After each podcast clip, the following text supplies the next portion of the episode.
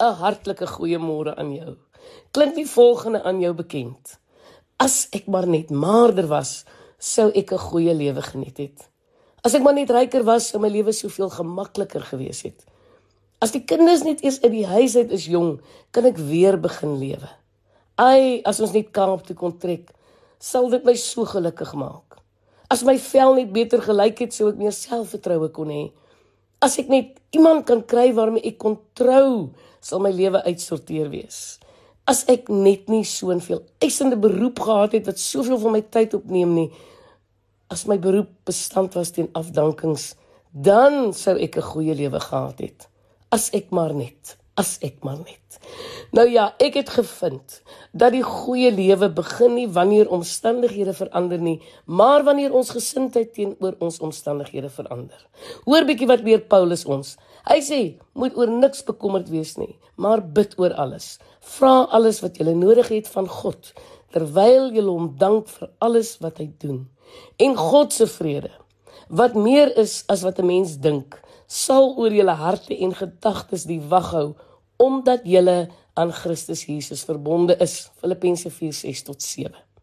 Hoor bietjie hierdie deurslaggewende woorde wat Paulus sê terwyl jy hom dank.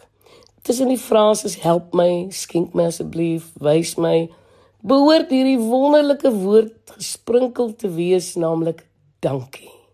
Jong dankbaarheid is om doelbewus bewus te wees van die voordele van die lewe. Dit is die heel grootste deeg. Jy sien studies het hierdie emosie aan 'n verskeidenheid positiewe uitkomste verbind oor jare. Hulle sê dankbare mense is geneig om meer empatie te hê en ander mense vinniger te vergewe. Dankbare mense is geneig om 'n meer positiewe uitkyk op die lewe te hê.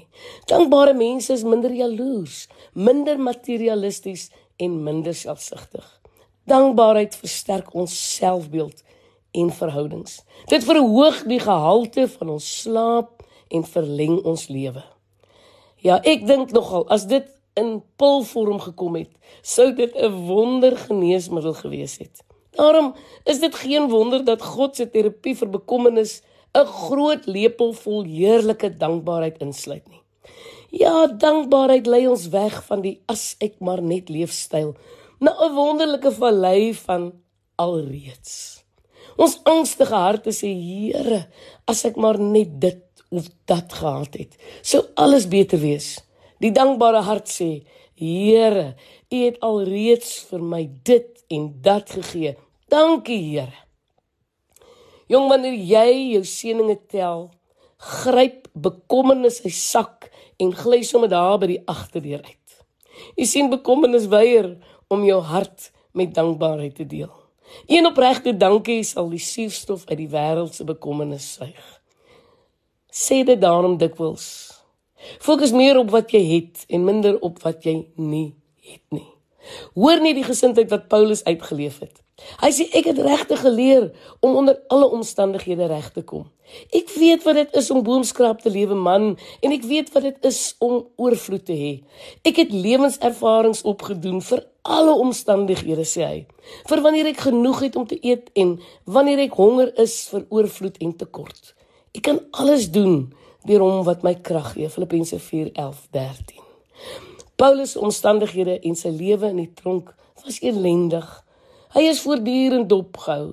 Daar was regtig geen rede vir hom om op sy vrylating te hoop nie. Tog met kettinge en boeye om sy arms het die apostel aangekondig Ek het die geheim ontdek om tevrede te wees. Paulus sê nie ek het die beginsel leer ken of ek het die konsep ontdek nie. Hy sê eerder ek het die geheim ontdek hoe om tevrede te wees. Jong, dit is asof die apostel ons wink om effens nader te leun sodat ons hom kan hoor fluister. Kan ek 'n geheim oor geluk met jou deel? Ja, ek het lewenservarings opgedoen vir alle omstandighede. Vir wanneer ek genoeg het om te eet en wanneer ek honger is, vir oorvloed en vir tekort. Paulus enigste doel was om Jesus te leer ken. Roem en rykdom het nie vir hom saak gemaak nie. In Jesus het Paulus al die tevredenheid gevind wat sy hart begeer het. Mag dit ook vir jou wees soos wat dit vir Paulus was. Ek is Lenet Beer vir Radio Kansel.